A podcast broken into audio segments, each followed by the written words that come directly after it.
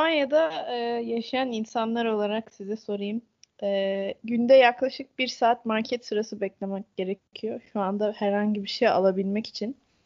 E, şu anda alabiliyoruz ama. E, sizce nereye kadar böyle devam edecek? Ne kadar alabileceğiz? Özellikle hani e, paket ürünler konusunda uzun dayanabilecek şeyler konusunda sormuyorum ama tarım anlamında tamam İspanya tarımda çok iyi olsa da herhalde bunun bir e, kırılma noktası olacak. Burada ne kadar dayanacak bilmiyorum. Merak ediyorum ne düşünüyorsunuz bununla ilgili. Yani ben tabii buradaki asıl mevzu belki de tarımsal anlamda şu an talebi aşırı panik halinde olmadığımız için karşılayabiliyoruz ama kendi kendimize yetiştiremediğimiz için mesela şu an Instagram'dan bakarsak herkes ekmek yapıyor, herkes bir şekilde kendi kendini e, doyurmanın yöntemlerini buluyor. Ama olayın bu direkt doğayla olan bağlantısı hala kopuk. Yani bir şey nasıl yetiştiriliyor, o şeyin temeli nasıl? Hatta çoğumuz belki işte domates ağaçtan mı oluyor, aşağıdan mı geliyor, yani topraktan mı geliyor gibi farkı bilmeyen nesillerin yetiştiğini görüyoruz. Belki bu konuda konuyu topu Selin'e atmak lazım. Kendisi kırsal bir yerde yaşayan, gayet güzel bahçesi olan ve bu tip e, küçük kooperatif yapılar içerisinde de aktif olarak rol oynayan birisi. Biraz anlat bize Selin, nasıl oluyor bu işler, nasıl dönüyor? Tamam. Öncelikle selam, teşekkürler. Yani e, şöyle diyeyim mesela ilk başta söylediğinizde bir e, bir saat süpermarkette sıra beklemek yani bu benim burada yaşamadığım, gözlemlemediğim bir şey. İlk gün oldu. Şimdi ben daha ufak bir yerde çalış yaşıyorum. Haliyle popülasyonu da nüfusu da çok daha az. E, tabii ilk gün burada o panik alışverişi zamanında yani ilk günlerde burada da sıralar oldu ama tabii bir Barcelona'da kadar değildi.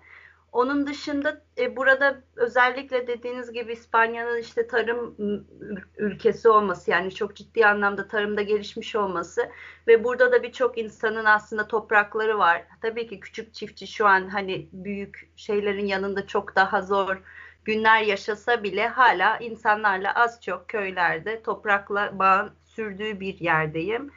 E, haliyle böyle olunca açıkçası galiba panik biraz daha az oluyor. Yani hem psikolojik olarak özellikle psikolojik olarak çünkü iki aşamada da e, bahçeyle yani bir insanın apartman dairesinde değil bir apart şeyde evde olması yani bahçesi olan açık havaya güneşe erişimi olan bir yerde olması açıkçası özellikle bu karantina günlerindeki bir ayı geçirdik artık e, gerçekten ben kişisel olarak da psikolojik beni çok daha iyi hissettirdiğini görüyorum. Yani hani bunun zıttı olsa gerçekten zorlanırdım diye. İkinci konu özellikle hani gıdaya erişimi konusunda tamam az çok şu an kendimizi döndürüyoruz ve gerçekten çok ciddi bir kriz yani büyük bir krizdeyiz ama çok büyük öyle felaket senaryosu gibi bir krizde görmüyorum artık az çok hani bir şeyler devam edebiliyor ama e, bu bunun yani bu durum bana şunu düşündürttü. Evet gerçekten büyük bir kriz olsa yani hani örnek veriyorum çok absürt olsa bile işte nükleer bir şey olsa ya da başka bir şey yani hiç kimse hiç dışarı çıkamayacak bir duruma gelse işte o zamanlar asıl ne yapacağız gibi. Tamam nükleer çok saçma oldu çünkü o zaman zaten tarım da yapamazsın ama neyse e, demem o ki açıkçası toprakla bağımızın e, devam ediyor olması insanı öncelikle güvende hissettiriyor. İşte yani ilk bu koronavirüste millet e, panik bir şekilde süpermarkete giderken ben az çok kendimi şey hissediyordum yani. Tamam evet birazdan bahsederiz zaten bu bizim içerisinde olduğumuz bir kooperatifimiz var. Bizim işte tarlalarımız var. Tarım süt işte ürünleri gibi şeyler yaptığımız bir topluluğumuz var. 30 33 kişilik bir topluluk, büyük bir topluluk olmasa bile şunu düşündüm yani. İlk zaten top, bu kriz başladığında da topluluk bize şunu söyledi. Hemen bir kriz toplantısı yapalım. Bakalım ne yapabiliyoruz, ne yapamıyoruz, neyi kısıyoruz, neyi arttırıyoruz gibi.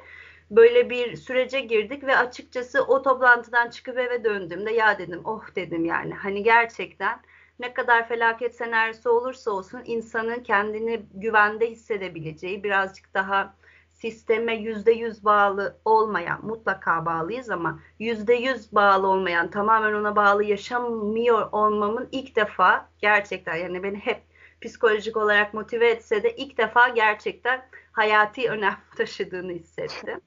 bu süreçte. Peki bu kooperatif dediğin e, yapı ne? Oluşum ne? Nasıl başladı? Ne ifade ediyor? Nasıl anlamalıyız?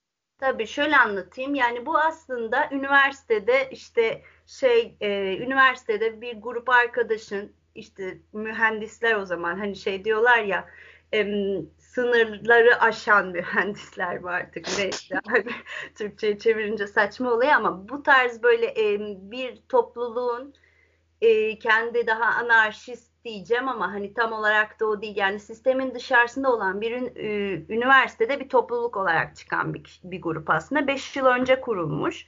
Hani ben burada değildim kurulduğu zamanlar. Benim işte Mark erkek arkadaşım o zaman içerisindeydi. Ee, daha sonrasında bu grup kendilerince kendi kendilerini götürmek için yani dışarıya bağlı olmadan öncelikle kendileri komün olarak ortak bir alanda yaşamak için bunu başlatıyorlar.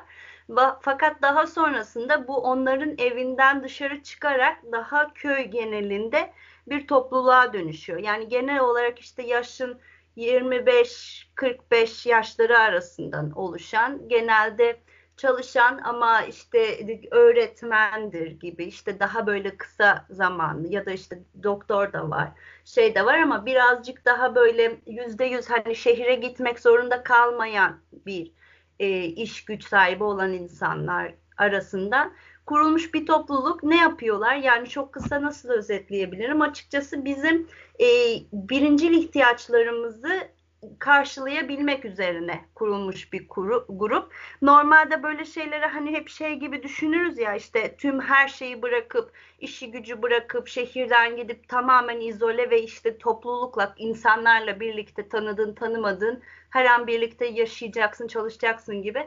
Yani böyle işlemeyen bir grup. O, özellikle bu açıdan hani hem altın çizmek istiyorum hem benim çok hoşuma gidiyor. Çünkü biz hepimiz kendi evlerimizde yaşıyoruz ama işte kendisini e, bir şirket gibi yöneten ve e, bunun günleri olan, planları olan, grupları olan, alt dalları olan bir grup. Yani en üstte işte bir topluluk var.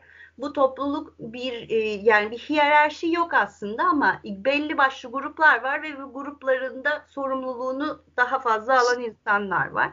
Nedir Sen bu gruplar? Ne yapıyorsun? Sen ne yapıyorsun mesela? mesela Sizin orada ne kadar ben tarla grubu içerisindeyim, e, laktik süt grubu içerisindeyim, bir de sabun yapıyorum. Ne yani aslında e, bunlar nasıl oluyor? İşte 15 günde bir biz mesela süt, yoğurt ve işte peynir yapıyoruz. Ekmek grubu var. Ben içerisinde değilim ama tabii ki dahil oluyor. alıyor. Olsan Instagram'dan görürdük fotoğrafları kesin. Şimdi herkes yapıyor. Mesela ben ekmek yapmadım yani. Çünkü bizde her hafta yap, yapılıyor. Biz onu alıyoruz yani hani ücretsiz bir şekilde. İşte tarla grubu var. Her cuma günü tarlaya gidilir. Tarla işte göz kulak olunur. O dönemin sebzesinin meyvesi neyse o alınır, o yenir. Yani aslında açıkçası her insan kendi ilgi alanına göre bir e, bir grup seçiyor kendine. Daha sonra ya da oluşturuyor. Daha sonra oraya emek veriyor çok ciddi bir emek yok. Haftada bir gün birkaç saat ayırmaktan bahsediyorum. Daha sonrasında sen de onu aslında yaparken kendin için değil 30 kişilik yapıyorsun. Haliyle tarla grubu da 30 kişilik işte herkes için çıkartıyor. Biz sabun yapıyoruz, deterjan yapıyoruz çamaşır makinesi için. Biz de onu yaparken 30 kişilik çıkartıyoruz. Ekmek aynı şekilde, süt aynı şekilde. E ne oluyor? Her hafta her gruptaki her birey kendince bu bütün malzemelerden işte sahip oluyor. Ve baktığında bunu aslında haftada sadece bir birkaç saatlik bir gününü ayırarak birkaç saatini ayırarak bütün bu hizmete dahil olabiliyor. Yani bunun dışında diğer şeyler var. Mesela to toplu olarak kooperatiflerden alışveriş yapılıyor. Baklagiller işte pirinçtir, ıvır zıvırdır bu tarz şeyleri de biz sipariş ediyoruz. Bunu da toplu başka kooperatiflerden sipariş ettiğimiz için hem daha uyguna geliyor. Hem kendi içerisinde bir bütçe sistemi var. Yani herkes kendi maaşına göre eğer çalışıyorsa işte yüzde beşlik gibi bir kısım sanırım bir e, ortaya bir ücret koyuyor. Daha sonra bu ücretle işte biz de bu şeyler için ekmek için un mu işte ya da tarla için gübre mi artık neyse bunları satın almasını sağlıyor. Ama genel amaç kendi kendini sürdürebilir bir şekilde götürmek. Yani o sene çıkan domatesin tohumunu mutlaka öbür seneye saklanıyor. Yani mecbur kalmadıysa dışarıdan alışveriş yapılmıyor.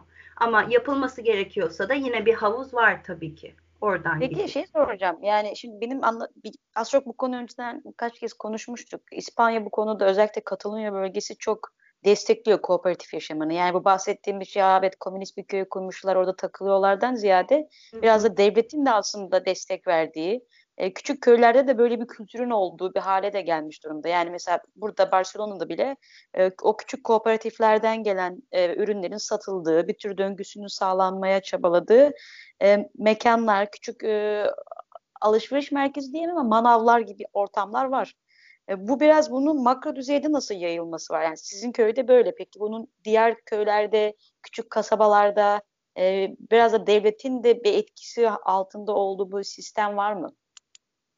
Yani açıkçası devlet olarak söylemek zor. Çünkü tam olarak devletin destek, devlet çiftçiye destek veriyor ve e, destek programları var aslında. Ama doğrudan hani bir kooperatife ya da işte olabildiğince kişinin bireysel olarak de bağımsızlığını e, destekleyen bir durumu var mı? Benim gözlemlediğim bir şey değil. Devlet açısından konuşuyorum. Ama e, kişisel olarak, kültür açısından konuşursak evet kültürel olarak açıkçası burada o kooperatif ya da daha lokalden ufak yerden alışveriş yapma kültürü yani köylerin içerisinde halk olarak, birey olarak daha yaygın.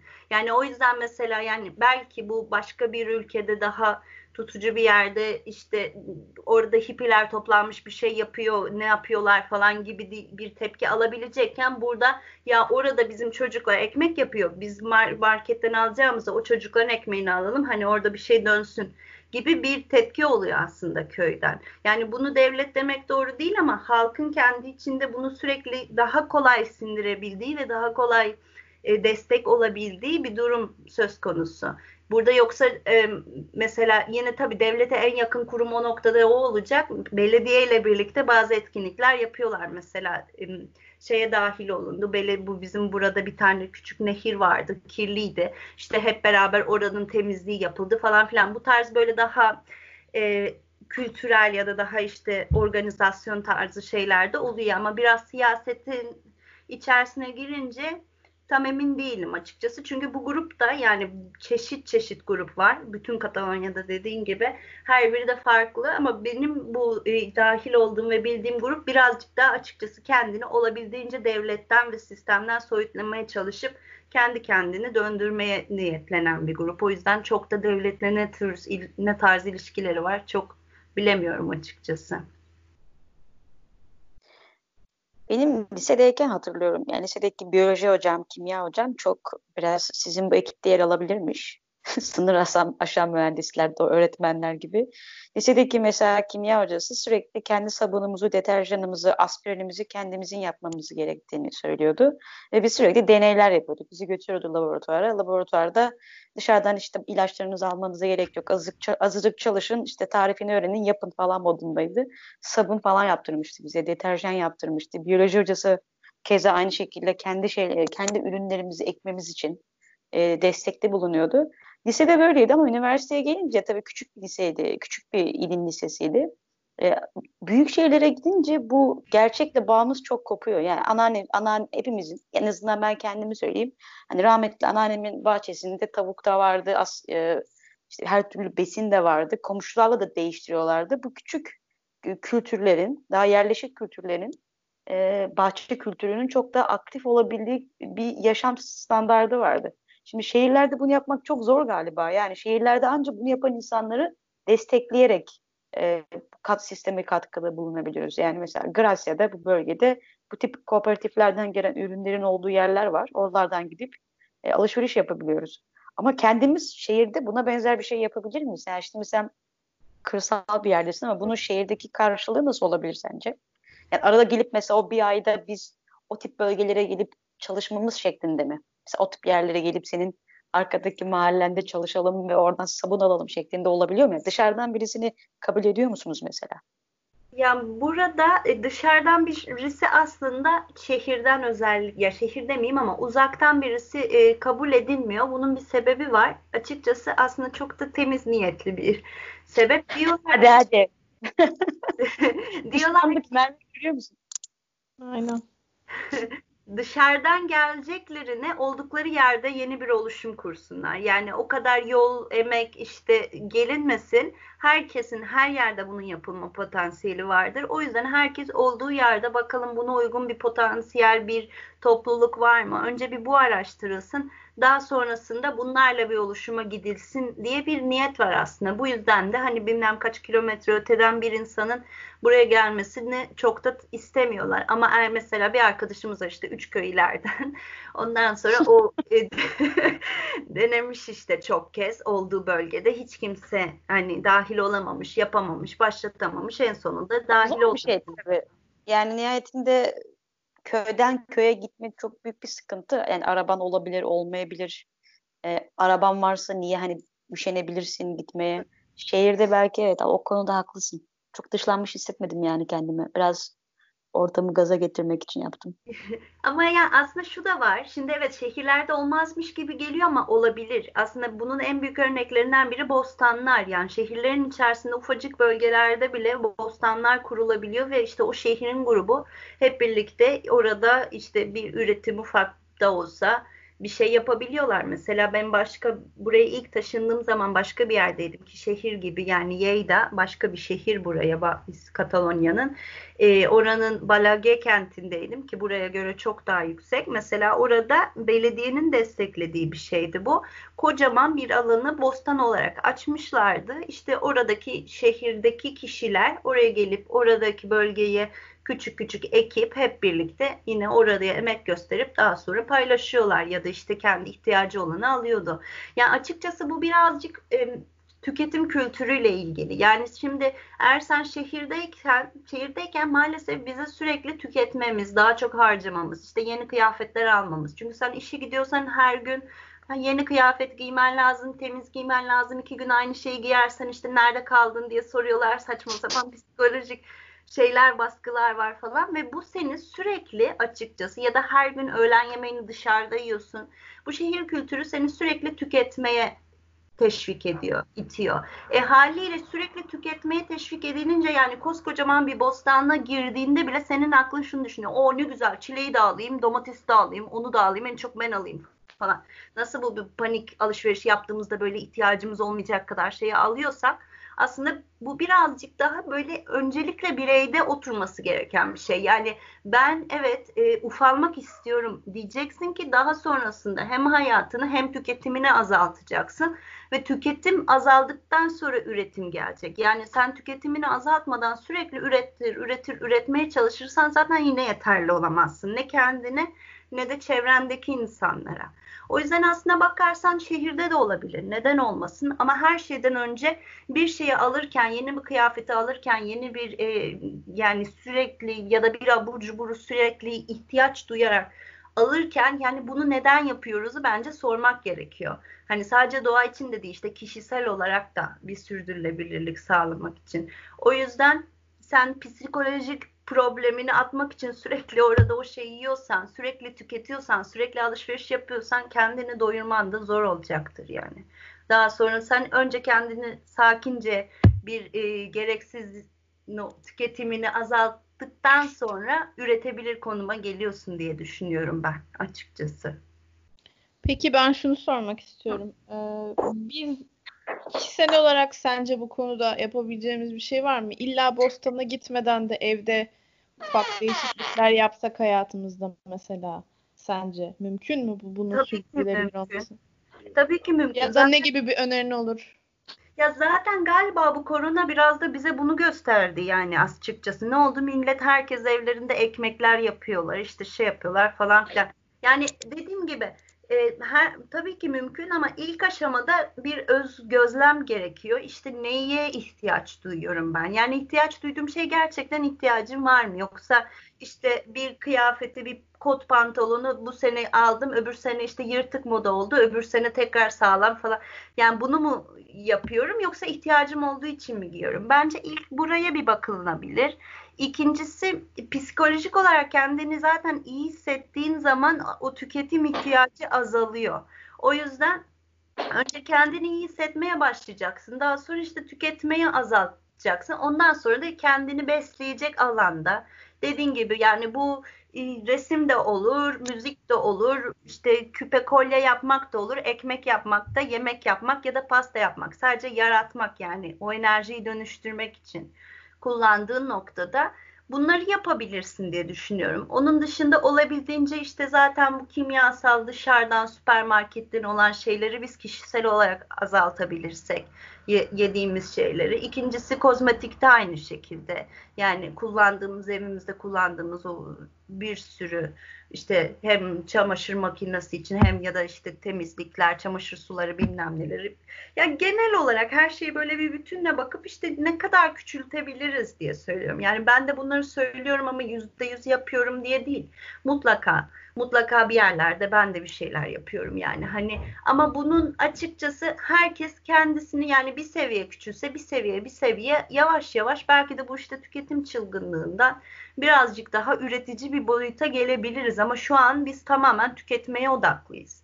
Yani tüketmeyi bırakmadıkça, azaltmadıkça üretmemiz de çok daha zor. Çünkü sürekli bir enerjiyi dengelemeye çalışıyoruz yani. O da zor geliyor bize açıkçası. Böyle düşünüyorum. Evet.